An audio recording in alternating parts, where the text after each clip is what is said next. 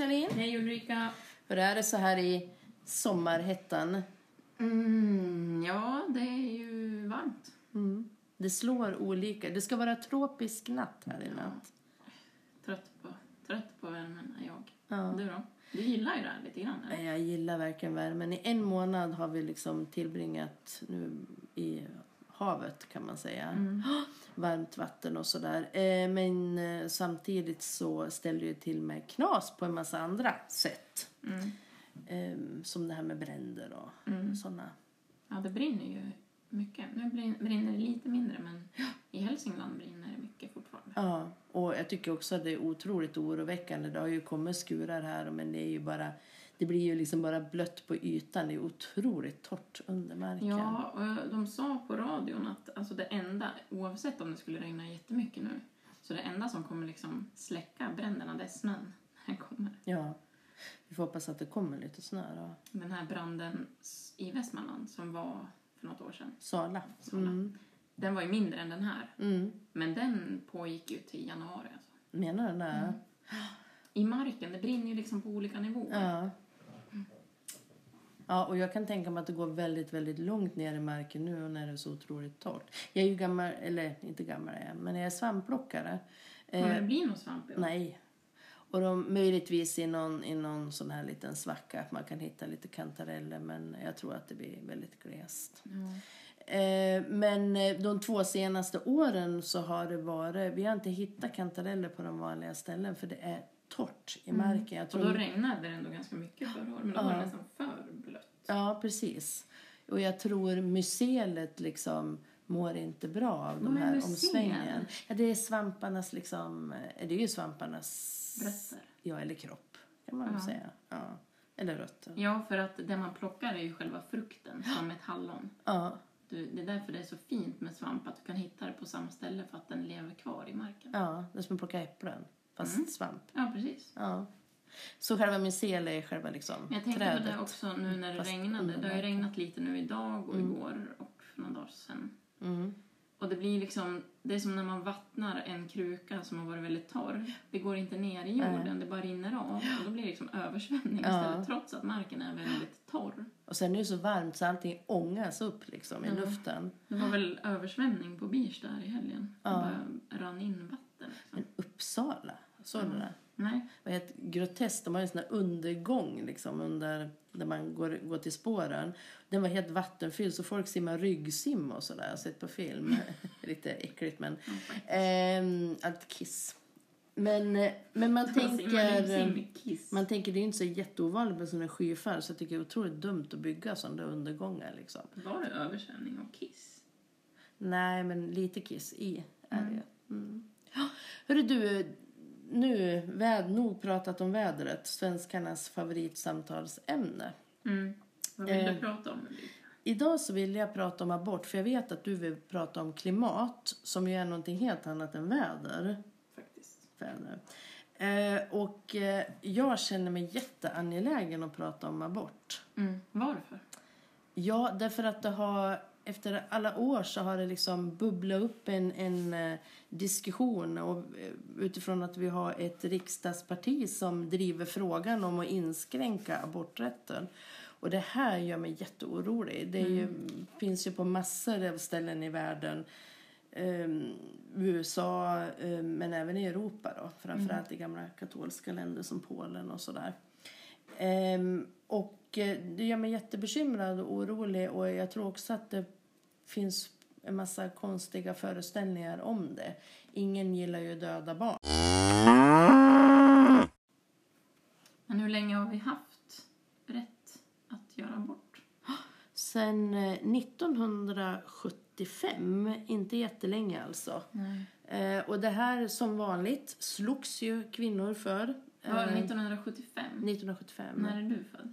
66. Så då fick man inte göra abort? Nej, det kanske är därför jag finns till. Min mamma var väldigt ung. Eh, så man vet inte hur det hade varit Nej. idag. Eh, jag tycker inte att det är någon... Eh, Det är ganska, många som inte skulle funnits. ja, men då hade det funnits någon annan istället. Man ja, måste jag menar inte hålla... att det är negativt. Nej, nej. det hade varit av med mig. Prata med någon roligare person istället. Eh, nej, men så, som vanligt var det kvinnor som, som drev den här frågan. Och egentligen i alla riksdagspartier som fanns då. Eh, men Moderaterna var det enda parti som röstade emot faktiskt. Otippat. Mm. Sen är våran abortlagstiftning är extremt välgjord. Eh, Till skillnad från andra länder då. Ja, i mångt och mycket kan man väl säga, eller jag känner inte till alla andra länder, men våran är gjord så att den är anpassad när, när liksom den medicinska utvecklingen gör så att eh, barnet blir barn tidigare eller kan överleva utanför kroppen. Då övergår det till att vara ett barn och inte ett foster. Vilken tid är det då? Eh, och idag är det vecka... tj- Nej, det är vecka 21 plus sex dagar. Fast man har rätt att göra abort foster- fram ja, till men- vecka 18 eller? Nej, du har, du har rätt, att göra fri abort fram till vecka 18. Eh, efter det då måste man ansöka. Okej. Och då måste det vara särskilda skäl. Till exempel att man har en sjukdom, alltså det kan vara psykisk sjukdom eller annan oförmåga Mm. ta hand om barnet. Också barnet kan ha någon form av- skada eller sådär. Det är också omdiskuterat. Men det här med att vi, alltså att 1975 och att man inte gjorde abort innan det, så är ju inte fallet. Utan man gjorde ju abort fast olagligt och mycket mer riskfyllt. Mm. Så att det kanske är många barn som lever idag som inte skulle ha levt. Men det är också många kvinnor som inte lever idag för att de gjorde en väldigt farlig abort. Det tror jag var en väldigt bra sammanfattning. Trådgalgar var vanligt. Man gjorde på sig själv. Eh, Gjorde man det själv alltså? Ja, kunde göra det själv. Ja, man var tillräckligt desperat då.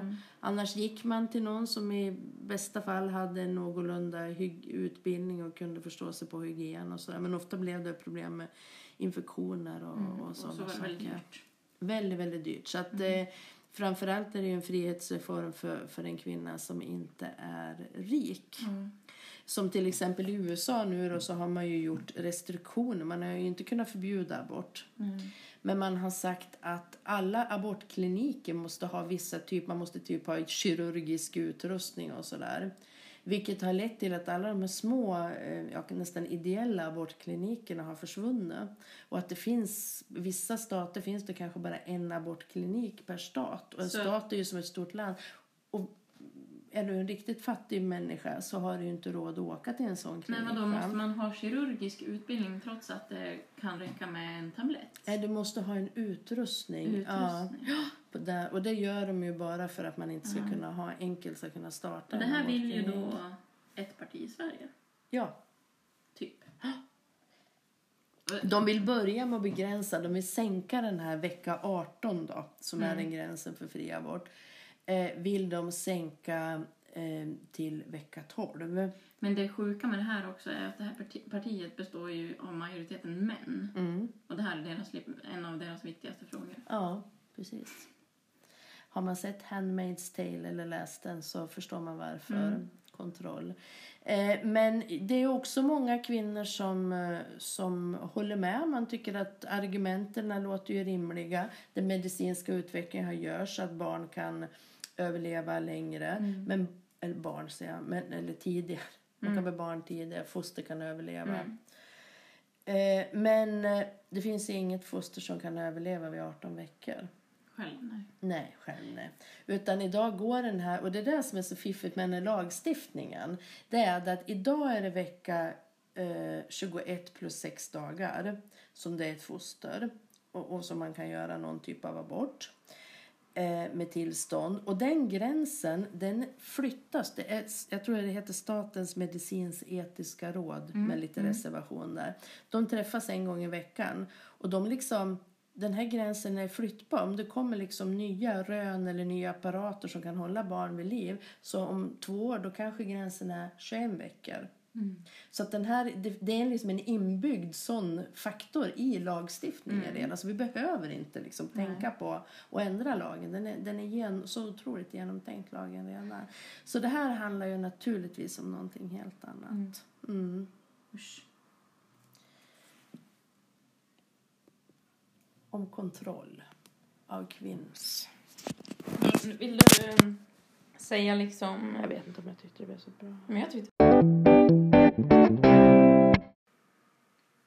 verkligen ett problem? Är det så många aborter som görs så sent?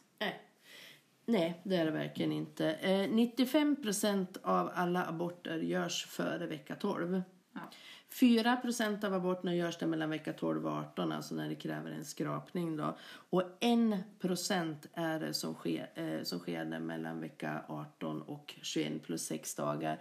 Som ju är, alltså, och då är det ju synnerliga skäl, alltså att det är något fel på någon, något vis. För liksom. innan så behöver man ju inte ange något skäl. Nej, och det är en jätteviktig del i det här med, med aborten tycker jag. Att man, att man inte ska behöva tvingas till kuratorsamtal och sådana saker. För det vet jag att eh, det vill det här partiet, vi kan väl säga vilket parti det är, det är ju ingen hemlighet, det är Sverigedemokraterna. Ehm, förutom att, att inskränka eh, och sänka abortgränsen så vill man också, den fria abortgränsen, så vill man också tvinga eh, människor till, eh, eller kvinnor till, till sådana här samtal. Eh, och det menar man att det är ju bara jättebra och det måste de ju vara så tacksam för. Men det finns fortfarande möjlighet för kvinnor att få det om man vill ha det naturligtvis.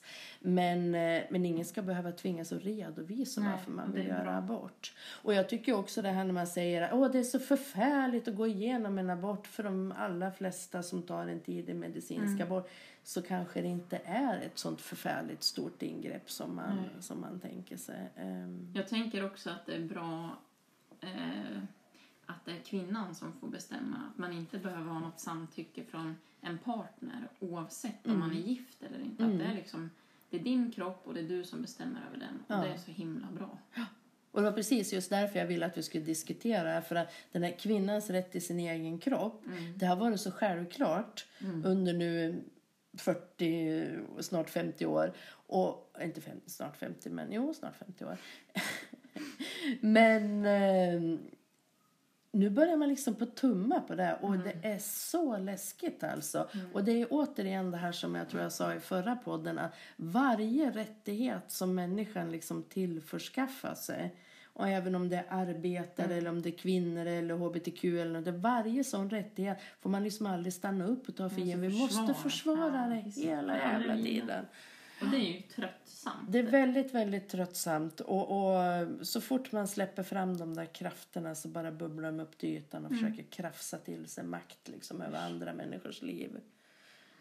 We don't like. Nej. Sluta med det, Sverigedemokrater. Och dessutom eh, så hörde jag en intervju på, på, finns på Youtube med, eh, med Paula Bieler som är riksdagsledamot för Sverigedemokraterna. Och en kvinna Trevlig tjej. Trevlig tjej. Ehm, ja, det är hon säkert. Jag har inga åsikter Nej, om jag det. var inte ironisk.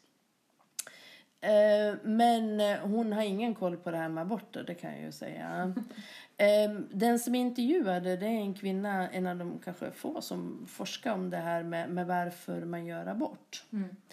Eh, och eh, Paula Bieler sitter i den här ehm, ehm, filmen och säger det att ja, och kvinnor använder abort som preventivmedel. Och den här forskaren hon hävdar att det finns inga som helst belägg för det, varken i Sverige eller någon annanstans. Eh, så att det är bara an, alltså, en känsla Det är som man ingen har. som tycker att en abort är rolig oavsett. Nej, eh, oavsett om man tycker den är svår eller inte. Så eh, att man skulle använda den som... Eller oavsett om man tycker att det är självklart att man inte vill ha barn just Nej. nu. Liksom.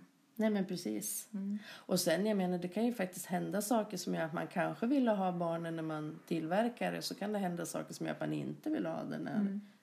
Man, ja. Man, men man ska inte behöva redogöra för det heller. Nej. Det är jätteviktigt. Mm. Hörru du, ehm, är det något mer du vill fråga mig om abortlagen? som jag snöar in på nu. Ja. Ehm, ja, men jag tänker så här, om man... eh, De, de, har, vet du argumenten för de som hävdar liksom att eh, det är bättre att föda barnet? Alltså, jag tänker man, till exempel då, om man har blivit våldtagen Mm.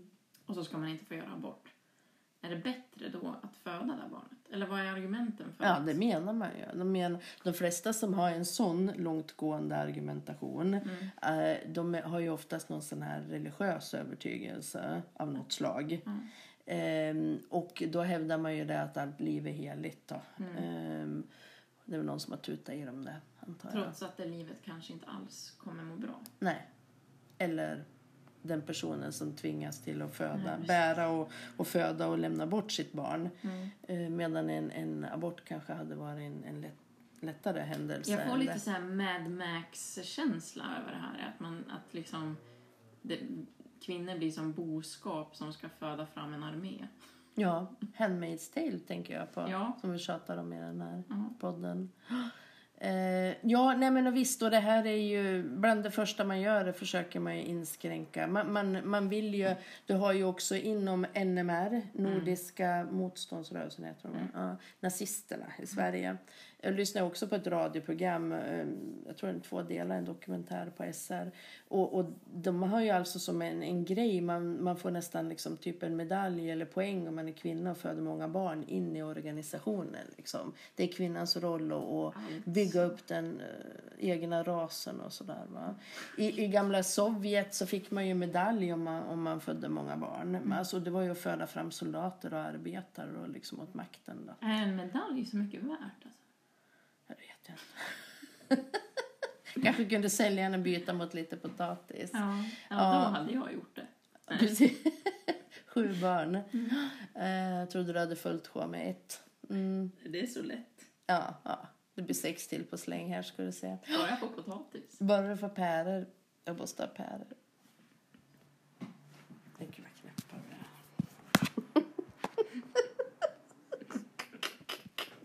är. Den där ska vi ha med. Ja, Charlene, då ville du prata om triceratops, eller vad hette det? Antropocen. Antropocen. Ja. Eller människans tidsålder som man också kan säga. Mhm. Det är en sån här, en, den är ju inte antagen. Det är ett förslag på en geologisk eh, epok. Idag så befinner vi oss i Holocen och det har vi gjort i 11 700 år. Hittar man på där för 11 700 år sedan? Satt man och diskuterade lika då?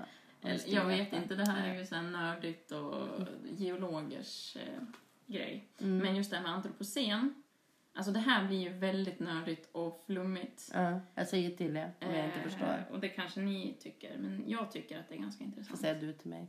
Du. Ja. Jag menar lyssnarna. Jaha, okej, okej. Ja. Eh, jag tycker att det är väldigt intressant med antropocen för att det då definierar ju tiden då människan, man kan säga efter den industriella, industriella eh, revolutionen. Mm. Från att människan, eller vissa hävdar att det är redan tidigare när man började ta ner mycket skog för att odla och sådär. Människans eh, avtryck globalt på jorden och det har ju ofta, alltså hur människan har påverkat och då ofta negativt. Mm. Är det typ som såna här Jura och Krita? Och är det Ja, så? en ja. geologisk. Ja. Eh, tidigare, jag tror man beskriver det mycket i förändringar i, i geologi och sånt där. Mm. Eh, Men det här handlar ju om någonting större, tänker jag. Eller man ser ju att det är mätbara grejer man gör på att människan har påverkat genom klimatförändringar nu då och eh, att vi ser en så extrem utrotning av arter Mm. några år fram här och det är ju vi som gör det. Mm. Dels då med vår påverkan på klimatet, att det blir klimatförändringar, men Mm. också direkt att vi förstör livsmiljöer för massa olika arter Mm. som gör att det är massa arter som försvinner. Mm. Eh, men det här antropocen, då tänker man så här att det är mänskligheten som gör det. Man liksom klumpar ihop hela civilis- civilisationen. Eh, att ha gjort det här avtrycket. Mm. Och det kanske är bra och dåligt. Jag tänker att det kan vara, det blir liksom som en form av tvångskollektivisering. Eh, alltså att man klumpar ihop. Alltså för att det här avtrycket, det, det är ju inte alla människor som har gjort lika stort avtryck. Nej. Det är ju liksom, det som jag tycker är dåligt med antropocen det är att man tappar bort många system som kapitalism till exempel. Det är ju den som har drivit på det här stora avtrycket som vi har gjort. Alltså många stora företag har ett mycket större avtryck än... Men är det så när de gör det här, analyserar de liksom varför eller liksom bara konstaterar de? Den här epoken. Ja, men jag tänker när du säger att man inte har med kapitalismen och sånt där som, som Nej. möjliggörare av den Nej, här. nej, Nej, utan det här beskriver ju bara liksom den mätbara Förändringen. förändringen på jorden. Mm. Eh, det är ju bra för att vi får, då är ju ansvaret gemensamt också. Mm. Det är liksom ett vi. Mm. Men det är ju lite skevt. Mm. Eh, det är också bra för att man får liksom, man ökar den här planetära medvetenheten. Att eh, det vi gör här påverkar globalt. Liksom. Mm. Eh, men hur man ska då komma till rätta med det här. Mm. Eh, Men alltså om jag förstår det här rätt då. Skulle det vara så att eh, de menade att det skulle vara lättare för oss att förstå vad det är som händer om vi konstaterar att vi faktiskt går in i en helt ny epok eller har gått in i en. alltså jag tror, eh, jag vet inte hur man, det är ju inte antaget här. Nej. Det är ju bara ett förslag. Mm. Liksom. Vi befinner oss i holocen. Mm. Men det jag tycker är spännande är att antropocen mycket går ut på att vi har förstört Mm. så mycket. Mm. Och det går inte att rädda. Nej. Alltså även om vi skulle sluta med alla utsläpp idag så är det för sent. Mm. Det blir någonting annat Ja, än vad det var. ja, eller vi kommer dö. Våran civilisation kommer inte leva. Mm. Eh, jag tycker inte att det är intressant. Men vi har liksom gjort vårt Mm. eh, här. Och det har inte varit en del av den dagliga debatten. Utan vi...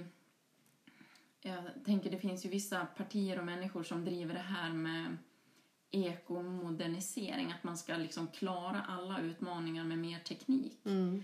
Och mer teknik det är också mer utsläpp och det tar väldigt lång tid. Mm. Alltså det kanske kan komma forskning som kan rädda oss liksom. Mm. Men det tar väldigt lång tid och vi har inte den tiden. Liksom.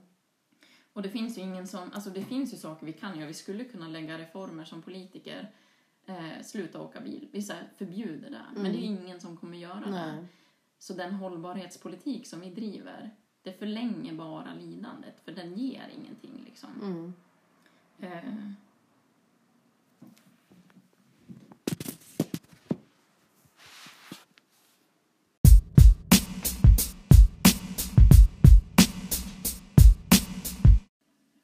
Men det här resonemanget du har då, det här att ingenting liksom spelar någon roll. Det är egentligen samma resonemang som jag hör från typ Sverigedemokrater och deras miljöpolitik. Det spelar ingen roll vad vi gör här i Sverige. Tycker du, alltså, menar du att vi inte ska göra någonting? nej, alltså idag är, är ju liksom jorden så stressad Mm. av oss så att vi kan inte inte göra någonting. Det är, där, det är också lite paradoxalt liksom att vi, de ekosystem som vi vill skydda idag, de måste vi aktivt liksom sköta om och kontrollera för annars går det åt helvete liksom. Mm. Eh, och vi skapar liksom en värld. Vi blir utan mat och vatten och... Ja, precis. Alltså vi, vi kommer inte överleva. Nej. Och vi skapar en värld som vi kan hantera med den politiken vi driver. Alltså som vi kan leva i, men inte som vi överlever i. Nej. Eh, Som art. som art. Eh, och det, jag tycker också att det är lite intressant för att människan är ju ändå den liksom, art som är, har väldigt hög intelligens. Mm. Vi skulle, men vi är liksom programmerade att inte förstå det här. Mm. Och så fortsätter vi i samma spår. Mm. Eh, jag tror, alltså... Det jag- kanske inte är bra att vara för intelligent. Det kanske är en, ett flå, liksom. alltså ett, Mm. ett, eh, ett misstag i evolutionen att bli för, för smart, för intelligent. Så Ja. kan det ju vara. Ja, och det kanske är våran svaghet. Ja, och det är ja, så vi dör liksom. Ja. Eh, och det är ju kanske den största utmaningen då, att vi ska förstå eh, för att kunna leva kvar så länge som möjligt. Mm. Liksom. För att fortsätter vi som vi gör nu, eh, även fast vi inte kan stoppa det, så driver vi ju på det. Liksom. Mm. Så det handlar väl om att vi ska förstå och sköta om och liksom... Alltså vi kan inte vila heller, vi kan inte bara skita i det som Nej. många säger utan vi måste sköta om det vi har och ta vara på det för att Mm. vi ska må bra och minska lidandet. Liksom, Mm. tror jag. Och sen, Ja, men jag tänker på med, med de här det här extremvädret då som vi har haft här. Mm. Eh, och jag såg nu Portugal, Spanien eh, i mitten på veckan här så skulle det bli runt 48 Mm. grader. Eh, samtidigt som det är översvämningar i Pakistan och Uppsala. Ehm, och ehm, det är ju, det blir ju väldigt kostsamt att, att leva med det också. Ja, absolut. Absolut. Mm. Och, och jag oroar mig också väldigt mycket för haven. Eh, vad man gör med haven. Inte bara det här med plast utan att det faktiskt finns så väldigt, väldigt lite fisk kvar i dem. Ja, men vi, vi missbrukar ju jorden. Ja. Och det kommer ju slå tillbaka på oss. Ja. Jag tror ju att jorden kommer att överleva oss. Liksom. Ja, det är inte den som försvinner, det är ju vi. Ja. Eh, Men jag tror att eh, vägen för oss för att vi ska må bra och kunna vara lyckliga är att försöka ta tillvara och suga in liksom naturen. Jag brukar åka upp till fjällen och stå på en topp och se liksom det här är det här är vad det handlar om liksom. Mm. Det är nästan, jag blir inte religiös men jag kan nästan förstå känslan i det är det här vi kämpar för liksom. Och när man, in, när man går i sitt lunk och liksom kör sin elcykel och har stressat liv och källsorterar och tror att liksom mina barn kommer få det bra så har man inte tid att njuta av det som finns här. Nej. Liksom. Mm. Jag, jag, vet, jag har liksom ingen så slutkläm på det här. Jag är bara lite... Jag har tagit tillvara på det här att eh, min generation och generationen liksom under mig, deras största ångest i livet är just klimat, Mm. klimathotet. Och ändå samtidigt så konsumerar vi mer och mer. ja, Eh, jag tänker det, vi skaffar oss liksom livsstilar där, som kräver att vi arbetar mycket och Mm. åker på vår lilla elcykel till jobbet och producerar ännu mer saker som ska exakt. konsumeras. Va? Så Och det är att, därför det är eh, så svårt att driva en politik som förändrar Ja. det här. För att vi kan inte hantera det. Nej. Och det är inte bekvämt. Nej. Utan vi vill leva kortare. Ja. Liksom. Men, och, men det är ju jättesvårt det där att säga till människor liksom att vi, vi tycker att man, man ska konsumera mindre liksom och, och, och leva på ett, på ett sätt som inte tär så mycket. Det är klart, det tycker folk är jättejobbigt att höra. Man Mm. Och vill ju därför ha det kom inte den och politiken. Nej. Och därför så, alltså den hållbarhetspolitik som drivs idag, det förlänger bara livet. livet. Ja. Det är liksom självmordspolitik. För Lite att det, kosmetika det är liksom på... halvbra politik för att det, det är symbolpolitik. Ja. Det, Mm. det gör ingen skillnad. Nej. Liksom. Men vad tänker du till exempel om, om den miljöpolitik till exempel som regeringen driver idag då? Alltså jag tänker att det är jättebra. Det har ju kommit ganska mycket, väldigt mycket pengar under den här mandatperioden till att skydda natur. Ja. Det är ju bra. Det har pumpats ut ganska mycket pengar. Eh, men i gemene man så tror jag inte man har den här medvetenheten. Eh, utan det krävs mer. Mm. Liksom. Jag tror, som med många andra frågor, till exempel föräldraförsäkringen som vi har pratat om, så Mm. måste man lagstifta om jobbiga saker Mm. för att man ska få en förändring. Mm. Liksom. Och, det är ju, och, och det gäller ju inte bara för Sverige. Nej. Vi har ju kommit ganska långt ändå, trots Mm. att vi konsumerar ganska Mm. mycket. Eller mycket. Men det är ju ett globalt problem. Ja, och jag tycker också det att man, man, all, alltså man ska inte lägga det på individen och ta Nej. ansvar för systemfel. Det Va? är därför man ska lagstifta. Ja, och det är då jag tänker på det som är höjd bensinskatt liksom. Ehm, ja, vem fan drabbar det liksom? Ja, men det, därför är höjd bensinskatt inte alls Nej. värt någonting. Nej, men att där- det gör ingen skillnad heller. Nej. Det är bara jobbigt för fattiga människor. Liksom. Exakt. Men däremot kanske ett förbud för fossilbilar. Ja, kan eller att få företag effekt. inte får släppa ut så jävla mycket. Liksom. Ja, Eller att de inte får producera massa små plastsaker. ja, Typ. Jag Ja. vet inte. Det, det är svårt att finna någon ljuspunkt i Ja. det här för mig personligen. Och det, har, det, har varit, det här året har varit ganska jobbigt politiskt när jag har kommit till insikt om de här grejerna. För Mm. att på ett sätt så känns det som att ja, men det är därför vi måste kämpa för att fler människor ska få det bra. Eh, en mer, ett mer jämli, jämlikt samhälle. Samtidigt som jag känner att varför? mm.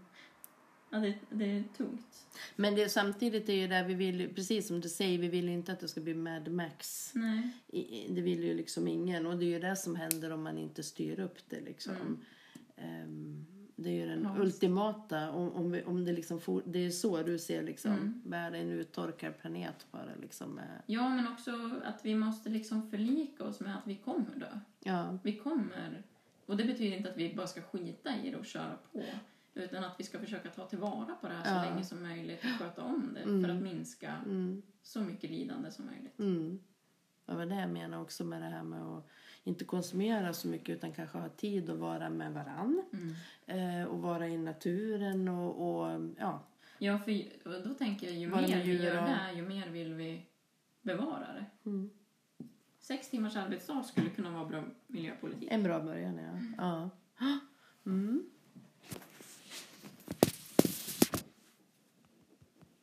Det är fånigt. Ja du Charlene, den här triceratopsperioden, det blev ju väldigt dystert. Ehm, men eh, finns det någon slags försiktig optimism? Antropocen. Inte, Antropocen? det är inga dinosaurier vi pratar om här. Nej, okej. Mm. Även fast det, kunde, det kan vi ta ett annat avsnitt. Ja, dinosaurieavsnittet. Mm. Nej, men det jag, vill, alltså det jag tycker är intressant då med antropocen det är att vi tar upp den här diskussionen, att vi pratar om det och att man får liksom ögonen på ögonen, ögonen på att kapitalismen och konsumtionsmönstren som vi är liksom inprogrammerade i har klorna om oss. Mm.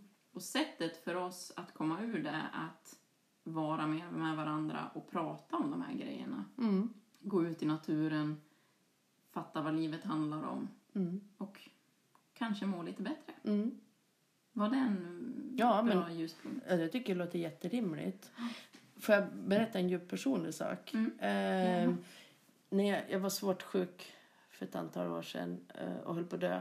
Ehm, låg på sjukhuset ganska länge eh, och trodde att jag skulle dö. Eh, så att det verkligen liksom tänkte igenom. Det enda som var viktigt för mig då, när jag liksom skulle dö, det var ett att få vara liksom i naturen när jag hade möjlighet att vara där. Men, och sen var det relationer till andra människor, liksom, de vänner och familj och sådär. Det var det enda som liksom betydde någonting. Inga bilar, inga utlandsresor, ingen platt-tv, liksom. ingenting sånt. Utan det var bara de grejerna. Och, och det har liksom... Jag kan inte säga att jag har lärt mig någonting av min cancer för det tycker jag låter ganska obehagligt. Men det har i alla fall eh, eh, gett mig någon slags vägledning om vilket eh, slags liv jag väljer att leva Mm. då i alla fall. Mm. Kan man liksom tro att det finns en så här utomjordisk kapitalistisk gud som vill ta över världen som har liksom programmerat in oss till att göra, alltså att umgås mindre med varandra, jobba röven av oss, eh, konsumera till döds och så dör vi och så kommer den liksom. Nej. Okej. Nej. Nej, men ehm, i- ja.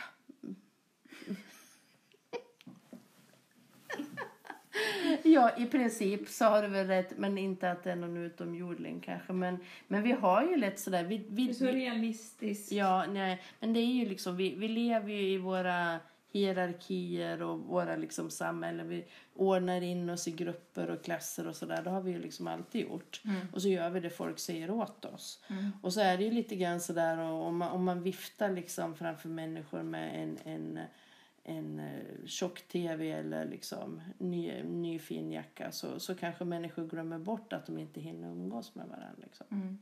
Man Lite kanske så. ska lagstifta om att liksom umgås mer med varandra och göra en fjällvandring per år. Ja, typ.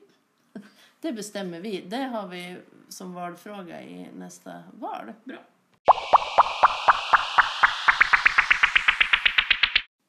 Kulturkvarten, mitt favoritinslag. Mm, nu får du börja. Mm. Eh, jag vill rekommendera en bok. Man ska ju läsa böcker så här på, på sommaren. Jag har klämt lite någon deckare och sådär. Eh, har läst om Handmaid's Tale.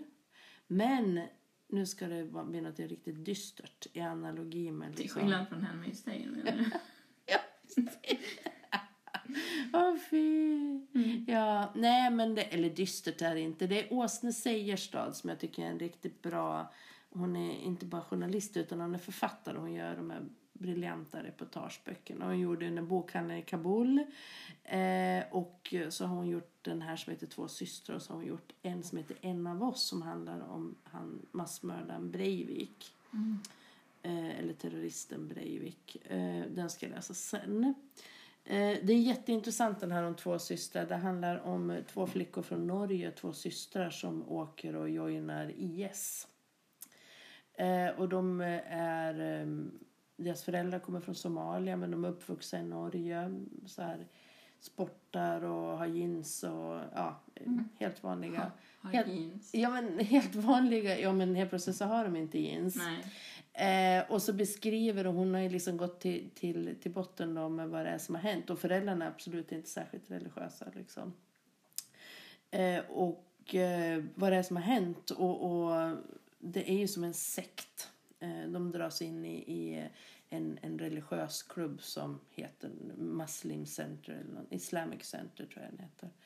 I, i Oslo med såna karismatiska ledare och sådär. Eh, och så blir man så extrem, eller man, de här två systrarna blir extrem. Hade du läst den? Ja, Ja. super, superbra är Mm. det. Ehm, hur, och, och hur fort det kan gå och hur uppmärksam man måste vara i omvärlden. Men jag tänkte också, det finns ju de här sektmekanismerna, alltså när man har liksom sett de andra sekter. Hur, hur, såg den där Ted Gärdestad-filmen till exempel. Hur man liksom sökande människor sugs in i någonting och, och de sticker iväg då. Mm.